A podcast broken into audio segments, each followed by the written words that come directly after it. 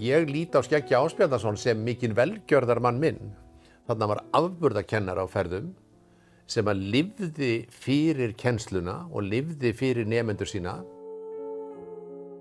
Skeggi Áspjarnason var kennari við lögunaskólan í Reykjavík frá 1943 til 1977. Hann er sagaður um kynferðisbrot gegn drengjum í skólanum og andlegt ofbeldi gagvar stúlkum. Skeggi var líka lausráðinn daskargerðamadur við útvarpið um áratugaskeið. Komiði blessuð og sæl. Er ekki annars dásamlegt að vera ungur og meg að nota æsku árin til náms og búa sig þannig undir fullonins árin og æfistarfið. Þetta er það sem við vitum núna.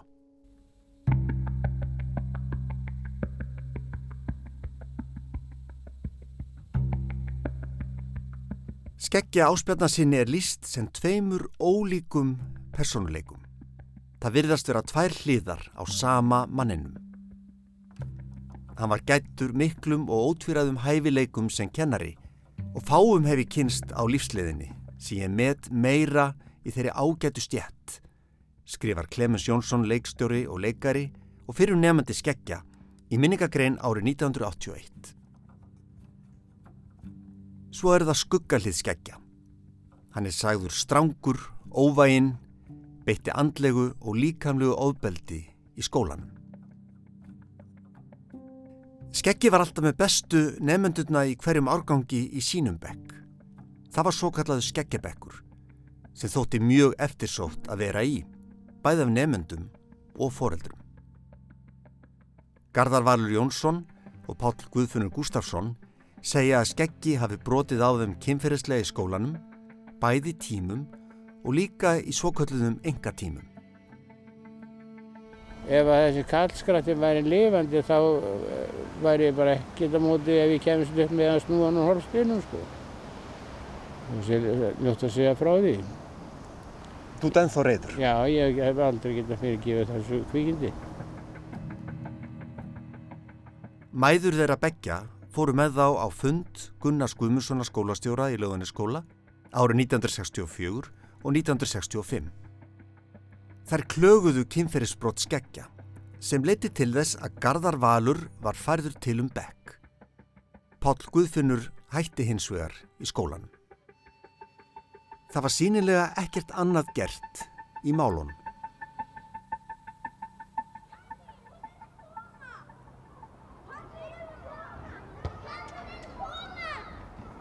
Takk fyrir að hafa samband og vilja segja mér af því sem að þú upplýðir hérna í lögunaskólanum. Má ég byrja á að fá nafnið þitt? Ég heiti Elin Bára Kúper og ég er fætt 1963 og var í lögunaskóla alveg frá 7 til 12 ára. Þegar við stöndum hérna við lögunaskólan og við getum svo sem gengi hérna upp að, að andirinu, þetta er allt mjög kunnulegt er það ekki, Elin? Jó, Þetta er ótrúlega falleg bygging, við getum svo sem séð hérna inn um gluggan, við sjáum hérna sviðið og íslenska fánan og flílinn og svo er þetta bara nánast eins og þegar við vorum hérna. já, já. Það sem er að koma svona betur og betur í ljós er eh, ekki bara eh, þessi myndu kynferðisbrot skeggja ekkert drengjum, heldur líka ofbeldi hans og bæði orðum og aðtöfnum gagvart eh, stúlkum og þú ert þá einn af þeim. Já, fyrir atvikið var að ég hafi fengið svona rosalega fallega hangandi eyrnalokka og ég man ég stóði í smá stríði við mömmu að fá að fara með þá í skólan. Hún var svo sætt um að ef ég væri að leika eða væri maður að tuskast eða það myndi rífa niður eyrnasteplanum á mér. En ég fór og fekk að fara með þá í skólan og þegar ég kem inn í stofu og sest í sætið mitt þá tekur skeggi eftir því að ég komi með svona stóra ábrendi hangandi eyrnalokka og hann þrýfur í mig, tekur mig upp á töflu og letur mig snúa að bekknum og bendir á eyrnalokkan og segir að það sé bara skækjur og gleðikonur sem verður með svona dinglumdangl í eirónum og hann notaði þessi orð dinglumdangl og ég hef aldrei glemt því að hann skildi kalla þetta dinglumdangl. Uh, hitt atviki var bara öruglega sama vetri. Þá kem ég með naglalakkiskólan, öruglega eitthvað svona leifar af naglalakki á nöglunum. Og hann tekur eftir því og þrýfur svona í mig líka og rýfur mig upp og fer yfir þennan skækju gleðikonu fyrir að þrjusum það yfir krakkana og mig að þetta sé bara skækjur gleðikonu sem séu með svona og hann ríkur út á stofunni kemur þetta smá stund með terpentínu og klút og lætur mig setjast við kennaraborðið og þrýfur að með naglalakki með terpentínu með miklum þjósti og harðhendur. Og hann í annarkort skipti með hérna einnalokkana eða naglalakkið. Þá sagði hann að það væri ekki nema að vona að ég væri svona skækjulega því ég var alveg upp á einstæri móður. Og þetta bara rennur mér aldrei úr minni. Sagði hann þetta fyrir framann allan bekkin? Já, hann sagði það. Þetta var svona eins og hann væri að taka mig sem dæmi og ég væri svona kænslutól. Horfið á þessa konu eða þessa stelpu hérna með naglalakki einnalokkana. Þetta er bara skækjulegt og gleðkonulegt og hún er svona því að hún er alveg upp á einstæri móður. Hvernig leið þér við þetta?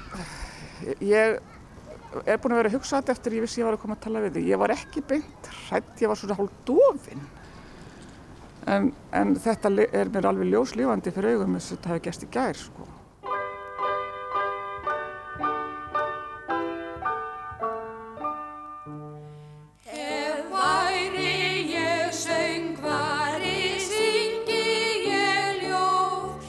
Um.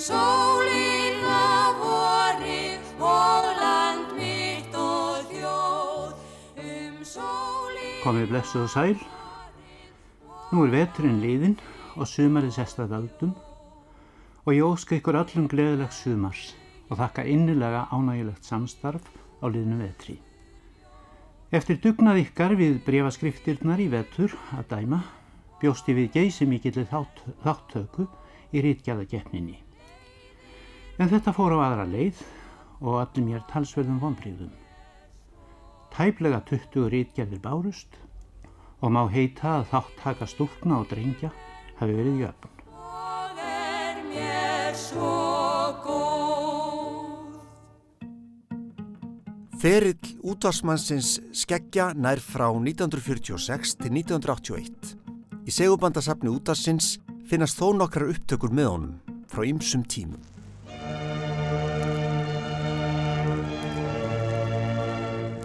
Það fyrsta sem heyrist til skeggja í útvarpinu er upplestur í útastætti sem hétt Atlantis, hinn Hornaborg, árið 1946.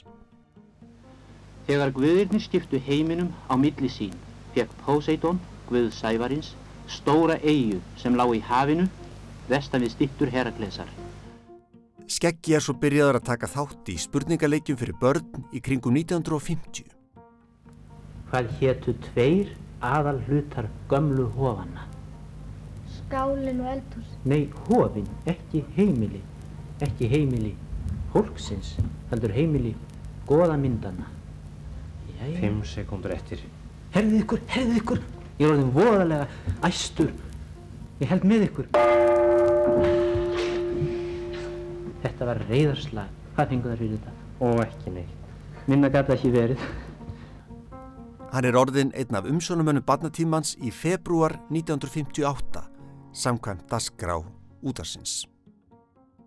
Komiði blessuð og sæl og gleðilega hátíð.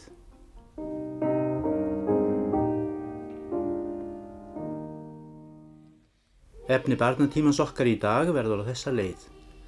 Fyrst flytur sér að Ingólfur Guðmundsson hugleiðingu, þá syngur telpnakór hlýðaskóla undir stjórn Guðrunar Þorstinsdóttur og ætlar Guðrún að vera svo vænað kynna lögin sem stúlkunar syngja.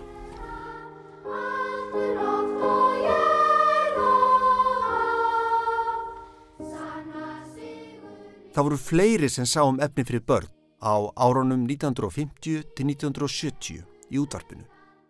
Baldur Pálmarsson, Þorstirnau Stefensen, Hildur Kalman, sýsturnar Hulda og Helga Valtístætur, Anna Snoradóttir og svo Skeggi. Í kringu 1970 tók Gunvör Braga Siguradóttir yfir alla umsjón með barnaefni. Skeggi er með sinn síðasta barnatíma samkvæmt dasgrá útarsins um það leiti. Síðustu æfiár sín er Skeggi svo einn af umsjónamönnum þáttarins Ég man það enn. Í þeim þáttum var alls konar þjóðlegur fróðlegur og sögur frá liðinum árum. Skeggi hafði umsjón með þeim þáttum þar til að lést í ágúst 1981. Komið sæl og blessuð. Stundum þegar ég hlust á veðurfregnir kemur mér í hug orð sem ég hygg að veðurfræðingar noti sjaldan. Hins vegar notuðum við krakkarnir það nánast í óhófi á berskudögum mínum. Þetta orð er flugdreka veður. Heim aftur heim, heim aftur heim. Hjörtur Pálsson var dasgrástjóri Rásar 1 í februar 1972 og til ásins 1984.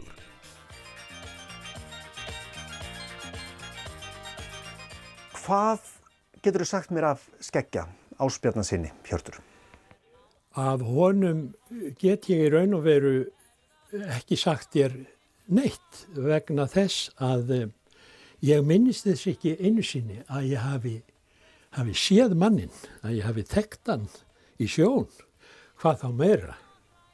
Aldrei séðan er í útvarpi, skúlugöldu fjögur. Eh, Ekki til að þekkja hann, ég, ég hef kannski gengið fram hjá hann um ykkur tíðan án þess að vera að spekulera eitthvað í því, en, en hérna, en ég var aldrei, ég man aldrei eftir því að ég hilsaði honum eða væri kynntur fyrir honum eða neitt svoleiðis.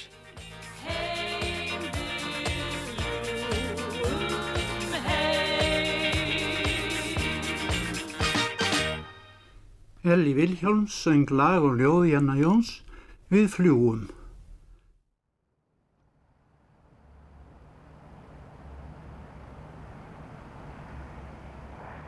Ég stattur fyrir utan skúlugöldu fjögur, gamla útarshúsið eins og það hefur verið kallað. Hér var ríkisútarpið rás eitt með aðstöðu um ára byll. Hinga kom Skeggi Áspjarnason til að búa til barnaefni fyrir útarpið. Skeggi var gerðna með nemyndur úr löganiskólanum sem tóku þátt í upplesturum, getrinum eða leikritum. Má ég byrja á að uh, fá nafnið þitt? Grímur Rúnar Friðkesson. Hvenær varst þú í löganiskólanum, Grímur? Já, það var sko, ég byrjaði bara í 7 ára bekk. Ég fættu 48, en það hefði verið hvað, 55 eða eitthvað svo leiðis og var, var allan hérna grunnskólan. Þannig að maður fór í landspróf og ég var fjögur ár hjá Skeggja. 9, 10, 11 og 12 ára bekk. Sko. Hvernig voru þessi fjögur ár í bekk hjá Skeggja, Grímur? Það er bara, það, ég held að það hefði bara verið fyrsta árið sko. Hann, hann hérna, hann var svo skýtt hrættu við hann því hann var svo strángur sko. Og svo bættist við svona atveik sem að ég lendi í. Og hann náttúrulega hérna sko braut nálgunar svæðið manns sko. Með því að leggjast yfir mann, hann lagðist þá mjög góður að skrifa, hann var rosa fallega rítönd og ég var frekar lélugur að skrifa. Svo hann lagðist svona yfir mig sko og held í hendina á mér og var að sína mig hvernig ég átt að skrifa hérna ymsu stafi og það var mjög óþægilegt sko. Og svo hérna var hann stundum að strjúka skeggarótinni á sér við kinnina manni sko. Það var ekki síður óþægilegt sko. Og svo lendi ég sem, sem ég einu aðtöki þarna. Ég held að það bara verið fyrsta ári hjá honum sko. Sem að markaði svo það sem eftir var hjá mér hjá honum að ég var nú hérna, heima saumuðum fötum sko. Sýstir mömmu var mikil saumakona og ég var í, alltaf í mjög fínum fötum. Þannig, svona víðarbuksur eins og voru þá. Og einu sinni þegar hann legg svona yfir mig þá finn ég bara að hægri hendi hans komið lóni í vasa hjá mér sko. Og nefnir vasa. Og það var náttúrulega mjög óþægilegt sko. Var hann að snerta á því er tippið þá? Já, já, og svona kom svona alveg að því og, og ég svona rak álbúan í hann einhvern veginn og það tók enginn eftir þessu. Sessunötum þessi satt, sko, ég var í miðuröð þar sem var í, í, hérna dýraröðinni. Ég sað hann frá þessu fyrir ekki löngu síðan, já tíu ár síðan eitthvað og hann sagðist ekki að orðið var við neitt sko. Og hann, hann hefði sagt það ef hann hefði, ef hann hefði orðið var við þetta. En eftir þetta atveg sko, þá var ég bara skítrættur við hann sko. Og hann gerði mér aldrei neitt meir en ég var svona uppáhaldsleimandi samt hjá hann sko. Ég fekk að leika, fekk að leika í leikritum bæði hérna í útvarpinu gamla. Ég fór með hann og hingað oftar en eins og oftar en tvísvar. Og svo í leikritunum, jólaleikritunum, páskaleikritunum í lögunaskólanum, þá leki yfirleitt í hver skiptið sem þessi ár sko.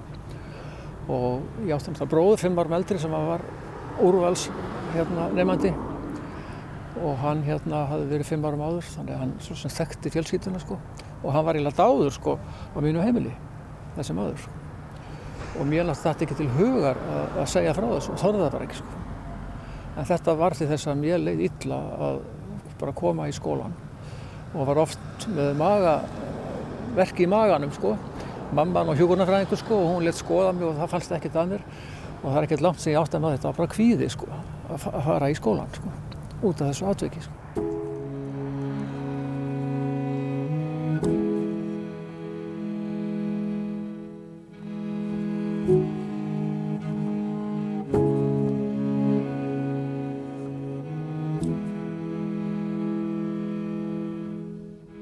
Óttar Guðmundsson geðlagnir og nefnandi hjá Skeggja lýsir honum sem afburðakennara, óþreytandi við kennslu og umsjón með leiksýningum í löganiskólanum. Ég er í laugarnaskólanum alla mína barnaskóla tíð frá því 7 ára bekk og uh, fram í 12 ára bekk sem að laug með svo kalluð fullnaðaprófi. Og uh, af þessum tíma er ég í fjögur ár í Skeggjabekk í Sébeknum sem svo er kallaður í stofu nýju í laugarnaskólanum og það er sem sé frá 57 til 60 sem að ég er nefnandi Skeggja Áspjarnasonar.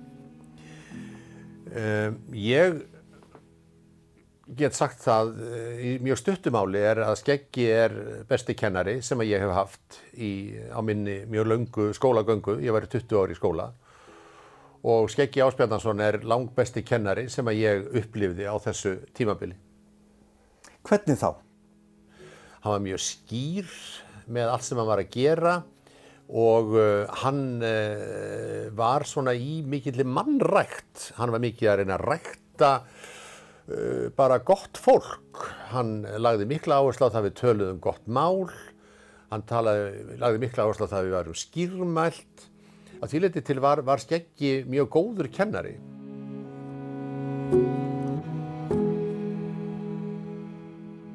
Þegar mynd kynfyrirsbrot Skeggja kom upp á yfirborðið fyrir um átta árum, kom það óttari mjög á óvart. Þetta er bara eitthvað sem að ég upplifði ekki, hvorki á eiginskinni, nýja vissi af að væri að gerast í þessum bekk þar sem ég var. Þetta voru góðir nefendur þannig að ég náttúrulega hitti þessa krakka áfram í mentaskóla og síðan voru mjög margir læknar úr þessum bekk þannig að þetta ég þekki mjög mikið af þessum krökkum og uh, búin að umgangast þau í öll þessi ár uh, mjög mismikið að sjálfu sér en þetta hefur aldrei komið upp í þessum hópi öll þessi ár. Þetta var aldrei verið rætt í Nei, þessum hópi. Nei, ekki, ekki, ekki svo ég viti. Og þegar þú hugsað tilbaka óttara þá er ekkert sem kemur upp í hugan, einhver atvik eða eitthvað slíkt sem að þú sást eða heyrðir af í skólan. Nei, alls ekki.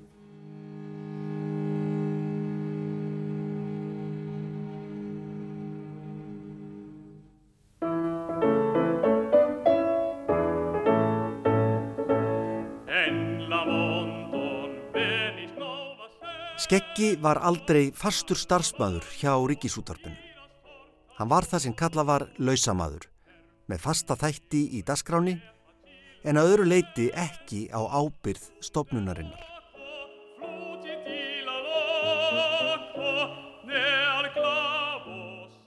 Hver réðan til starfa? Það skal ég ekki segja en ég gerir ráð fyrir að þá hafi dagskrárstjóri verið Andris Björnsson síðar út af stjóri. Þannig að hefðin var að dagskrástjóri réði menn til starfa til að sjá Já, um þú ert að spyrja mig sem dagskrárstjóra en hins vegar var það alltaf þannig að menn skiptu með sér verkum í útvarpinu þó einhver væri stjóri einhver stað þá voru aðri starfsmenn sem kannski uh, vegna einhvers konar verkaskiptingar og hefðar og reynslu að, að einhverjir aðrir höfðu meira með það að gera en það var svona undir þeirra stjórn uh, að formi til. Þannig að þegar þú ert dagskrástjóri, Hjörtur, þá er skeggi bara einn af þeim sem sjá um barnatíman, einn af þremur, fjórum umsjónamönnum barnatímans og þú hefur í raun og verið engin afskipti af honum. Já, ég hafði aldrei neinn afskipti á honum.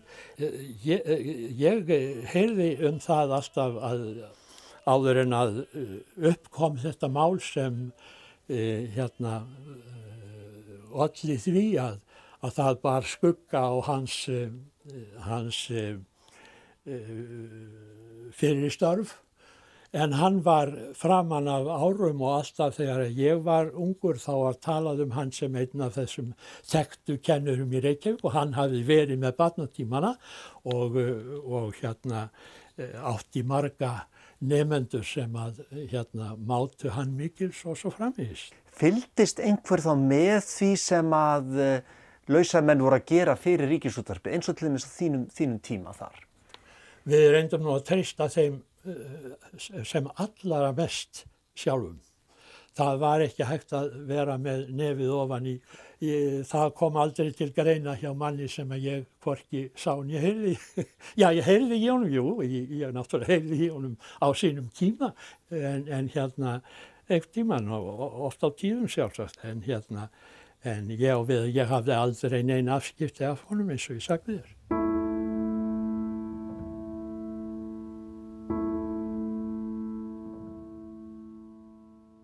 Það eina sem Sóli Ólafsdóttir doktor í Sakfræði hefur fundið á prenti eftir Skeggi Áspilnason er minningagrein sem hann skrifaði í april 1949.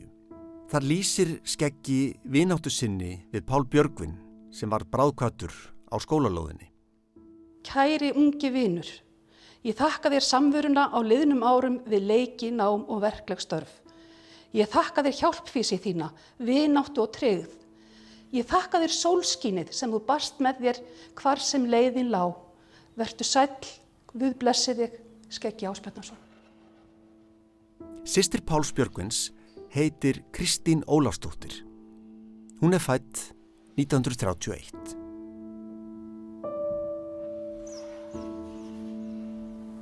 Þetta var hræðilegt alveg bara.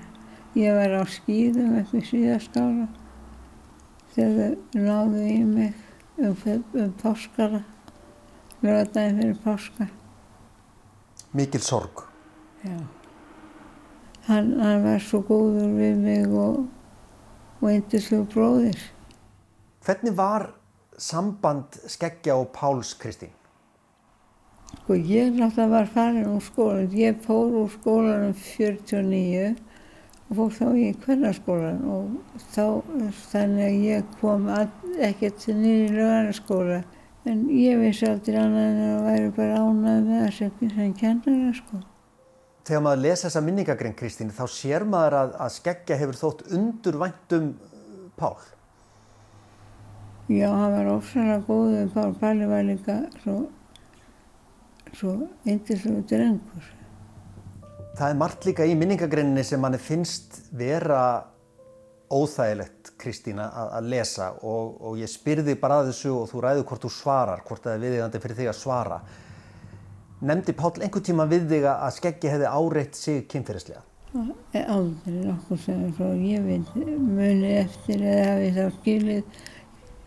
Já, þeim fannst þetta ómikið papp og mömmu sko að væri að fara þarna á kvöldinu að tefla og svo les með strákonum, ég veit ekki meir.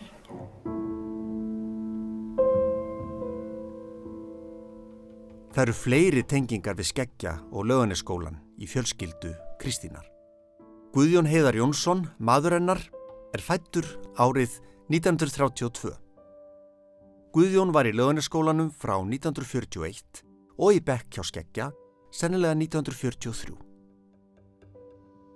Mér bara líkaði afskaplega vel að vera í bekk með hjá honum. Hann var bara mjög góðu kennari. Hann var, fór þannig yfir hlutina að var, var svo gott að, að innbyrða þetta sem hann var að segja manni. Hann var bara mjög góðu þannig. Og svo uh, fór þetta nú út í það að hann var stundum að bjóða okkur heim til sín sko, bara strákunum, ég mani til því. Það var, stelpunar fengu ekkert að koma nála tí og þá voru við svona oftast fjórir kannski saman eða eitthvað svona við vorum aldrei eitt sko með honum eða þannig, við vorum kannski fjórir og þá var hann að láta okkur tefla, gera þetta og segja okkur einhverja svona sögur og svona. Hann var bara mjög skemmtilegur og, og okkur þótti bara vænt um hann sko. Þegar þessi mál skeggja kom upp fyrir um átta árum, hvað hugsaður þá? Það, það, það er eitt atrið sem, sem fór svolítið í mig en ég áttaði mig kannski ekki beint á því þá En ég man eftir einu sinni sko, hann var eitthvað svona, við vorum þarna þrjú, þrýra, fjóru strákar hjá hann sko uppi. Og hann, hann bjó á, á Silvutegi eitt á tímabili og var þarna. Og þá var það sko, hann kom svona að mér og strauk sko með, með kinninu upp svona og ég man eftir að mér fannst þetta svolítið óþægilegt. Sko fadir minn dó svo ungur að, að, að svona með kallamanni sko var eitthvað sem var mér dálta fjarrir sko. Sett hann kinnin á sér upp við þína? Já og sko strauk svona, sko sjáðu þess að þetta er kinnin og strauk hann þetta svona upp sko. Og ég bara mann þetta að mér fannst þetta eitthvað ekki eiga að vera svona. Ég var í, held í tveimur leikreitu hjá honum og þá fórum við svona í útvarp og og, og, og fórum með þetta í barnantíman held ég hafi verið. Það, það, það er óðurlega gaman náttúrulega. Mikið ævintýri? Já, já, það í manni. Þetta voru svona ævintýra barnasögur.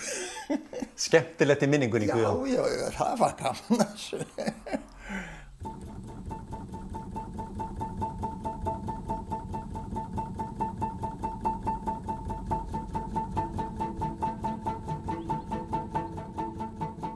Nú eru komin hinga fjögur tíu ára börn og ætla þau að lofa okkur að heyra smá leik sem heitir Littla rauða húsið.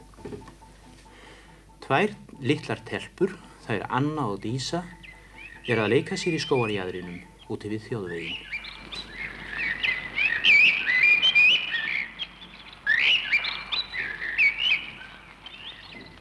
Í dag er sumadagurinn fyrsti. Ó, hvað það er gaman. Líttu bara á speil fara silfurpenningin sem amma gaf mér í morgun. Nei, sko. Hann er alveg og peningurinn sem pappi gaf mér. Hvað er hún að kaupa fyrir þá? Já, hvað er við að kaupa? Hvað segir þeim? Piparkökur? Eða síkurkringlu. Eitthvað gott verður það að vera á sjálfan sumardaginn fyrsta. Og stert kaffi með. Amma segir það sé svo hressandi. Nei, nú veit ég hvað við skulum gera. Við skulum kaupa litla rauða húsi þarna úti með veginum. Það er leikþáttur sem að skeggi er með sem heitir Littla rauða húsið. Þannig, þannig fekk ég nafnið Grímur. Já. Manstu eftir þeim upptökum? Já, ég, ég myndi hann ekki fyrst og fyrir að rifi upp og þá og sá hverju voru með mér sko. Það voru þrjá stelpur í begnum og þá myndi ég, myndi ég eftir þessu sko. Og það var tekið upp hérna sko. Hvað fóstu oft með skeggja hingað nýri út af sús uh, skólagötu fjögur? Ég veit kannski fjóru sinnum eitthvað svona, sko. kannski verið svona eins og ári sko. Þetta hafði ekki verið oftar sko. En svo náttúrulega voru við að æfa, æfa hérna, í skólanum sjálfum fyrir páska og jólale, jólaleikritin. Og hann lagði sko rosalega á sig og var rosalega duglugur og, og það var engin annar kennari sem kom nálátt þessu. Hann bara sá um allt sjálfur og hann gerði leikmunni og veit ég hvað og hvað sko. Þannig að þannig lagað var hann ótrúlega duglugur maður sko þó hann hafi náttúrulega verið bilaður á þessu sviði sko. Hittur hann hérna niður frá eða urðuðu þið samferða niður til? Við tókum bara fórum í strætó á kirkutegnum inn í strætónu þar og saman hérna niður til. Hvernig leiðið með það? Það var óþægilegt sko, mjög óþægilegt en það náttúrulega var annað fólk í strætó þannig að ég svo sem var það ekki trettur þannig að, en það var óþægilegt, mjög óþægilegt sko. Sjáðu Rósa, þarna eru tvö fátæk börn að koma neðan veginn. Þau eru líklega sístkinn. Kanski þeim þykir betri kjötsúpa þessum. Við skulum spurja þau. Hvað fengu þið í middagsmatinn í dag? Við höfum engan middagsmat fengið. Hvað fengu þið í morgunmatinn? Við höfum engan morgunmat fengið ungfrú góð. Það er óttalegt. Hafið þið þá ekki fengið kaffi og hveitifröð? Kaffi? Við höfum aldrei fengið kaffi ungfrú góð. Þið hafið þó minnst að kosta fengið mjölk og tvíbökur. Í gæru kvöld var okkur gefin bröðbytti niður í þorpinu. Í gæru kvöld var þeim gefið þurrt brauð. Og við erum hér að ráðslega um allan það mat sem okkur þykir bestu. Hérna hefur þið krónu. Kaupið þið ykkur brauð fyrir hana. Og hérna er króna handa þér. Fyrir hana getið þið keft mjölk. Guð blessi ykkur góðu stúrkur.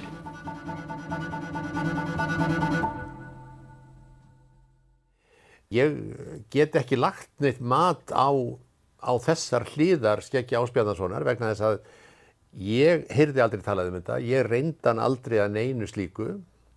Hvað þá með þá sem að telja að skeggi hafi brotið á sér eða segja hreinlega reynd út að skeggi hafi brotið á sér, hvaða rödd hafa þeir þá?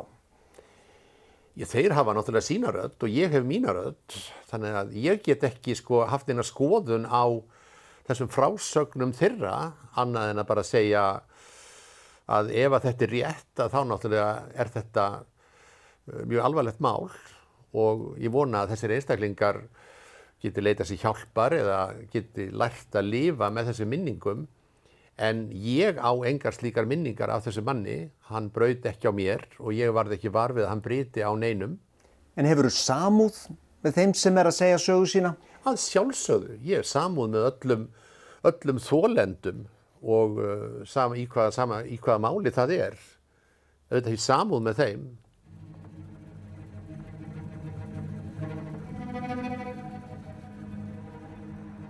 Óttar Guðmundsson geðlarnirgrímur sem ég líka að, spjalla við um, um Skeggja Áspjarnarsson, hann man ekki eftir neinu í fari Skeggja sem að bendi til þess að hann væri að káfa á drengjum. Nei, við náttúrulega gengum saman niður allar Reykjavík, hann átti heim upp á Klössauði á þessum árum. Og hann og, og Snorri heitinn Íkimarsson. En uh, þegar við hittumst þetta fyrir tíu árum síðan þá segir óttar um mig skrítigrimur, ég var að færi gegnum gamlu myndirnar á okkur og þú ert á svo fáum bekkjamyndum. Hvað, hva, hérna, já, ég sagði, já, ég hef bara verið veikur eða eitthvað, sko.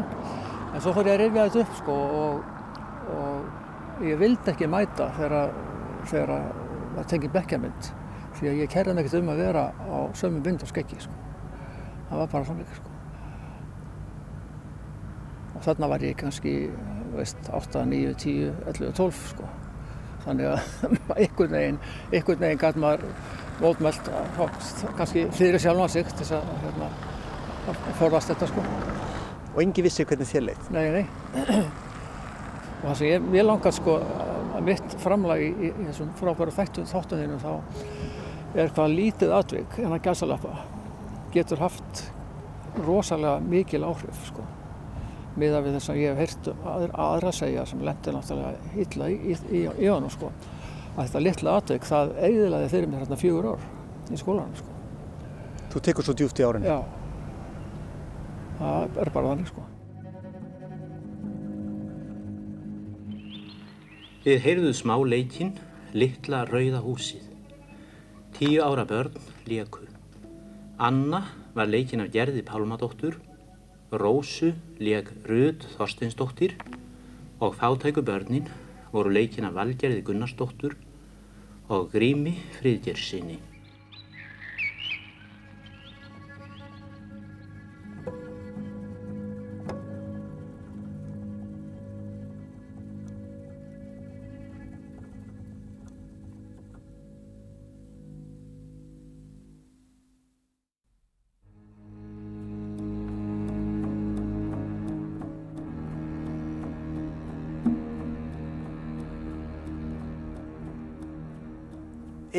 Ábyrð ríkisútæðsins þá einhver í þessu að hafa haft þennan mann í vinnu? Já, ég, ég, get ekki, ég get ekki svarað því nema þannig að það er leitt að heyra að þetta hafi gerst án þess að maður hefði hugmyndum það. Hvernig á að afmá þann blett uh, sem þú ert að tala um? Hvernig á að fara að því? Finnst þér að ríkisúttarpið ætti jável að byggast afsökunar kakvar þeim drengjum sem að skeggi leitað á og hann notaði sömuleiðist líka í leikið efni eða písla í batantímanum?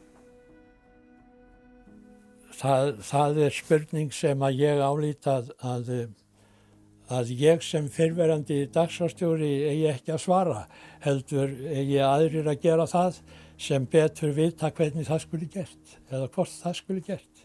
Ef að hérna menn komast að þeirri nýðustöðu að það sé e, gott og gaglegt, það er náttúrulega verið að rifja upp ímislegt frá gaman til tíð og þá, e, þá hérna e, væri það kannski þeim í þeim til uh, hugunar sem að sættu þessari meðferð af hans hálfu.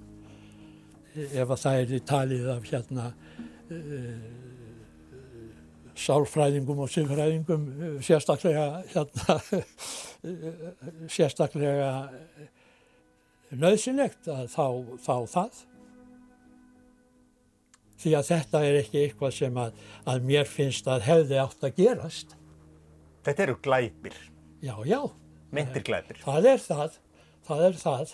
En nútíminn hann, hann, hann, hérna, hann er mikið í því að, að rifja upp fortíðina þessu leiti og þú uh, tekur bara heimilinn sem að, að hérna verið hefur verið að, að, að tala um á liðnum árum í sambandi við til dæmis meðferð og börnum og svo framins að uh, þetta, þetta er eitthvað sem að er, hefur verið mikið á dagskrá í, í hérna á síðari árum.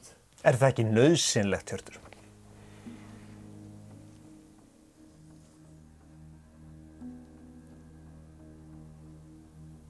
Það kann að vera. Hvað áttu við með því?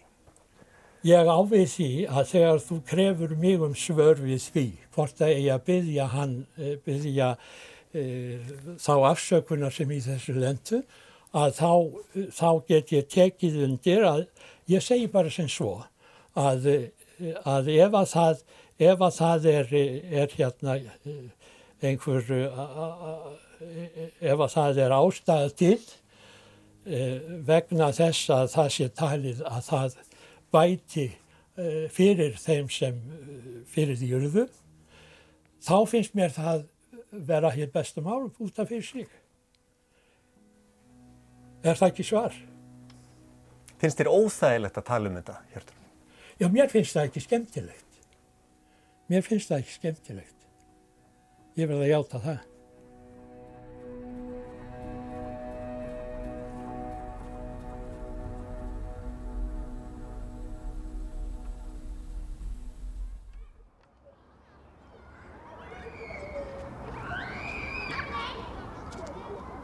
Ég á bæði slæmar og góða minningar á skólanum. Það svona tókast á því með svo, svona þakklætti fyrir benskunum og allt þetta skemmtilega sem við gerðum hérna en ég líka varð fyrir einveldi hérna. Eh, ég hugsa, ég var með kvíða, kvíðið barn og á þessum árum var náttúrulega ekki tilneitt orði yfir svoleiðisluti en dag náttúrulega þekkir fólk svoleiðis. Þannig að ég var volað viðkvæm og, og, hérna, og auðvelt að koma mér til að gráta og krakkarnir fundu það fljótt út. Þannig að ég fekk nú viðnefni Elin Grenjuskjóð af einhverjum krökkum hérna og þetta var mjög slæmt. Ég hérna, veit ekki hvort að krakkarnir gerir sér grein fyrir því að hvernig þið letið mig líða með því að vera alltaf að aðast í mér. Þannig að já, þetta var, já, þetta var svolítið óskemmtilega reynsla. Ég sé það á þér að þú verður bara sorgmætt að tala um þetta. Já, þetta er, þegar að börnum mín hafa lent í einhverju gegnum tíðina, ekki þegar hafa lent eineltin, að það kemur upp eitthvað svona óþægilegt að fara í skólan og þá fæ ég alveg stóran hnút í magan. Hittur þú skeggja einhvern tíman fyrir utan skólan, Elin?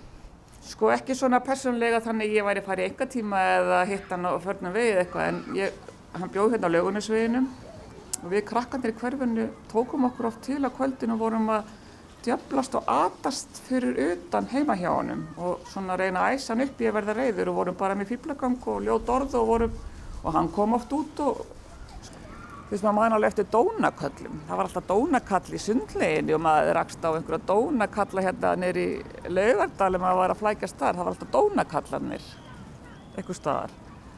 Þannig ég held bara að tíðarandin og umræðan hafi ekki verið til staðar að það fólk hafi bara ekkert ekki haft hugmynduflug í að skekki geti verið að gera þessa hluti.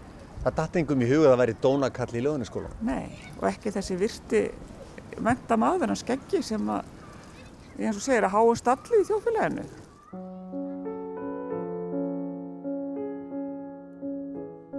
Þeir sem hafa orðið fyrir kynferðishópeldi og vilja leita sér hjálpar geta leita til stígamóta, ráðgjafar og fræðslumistuðar sem vinnur gegn kynferðishópeldi. Í fjórða þætti af skeggja.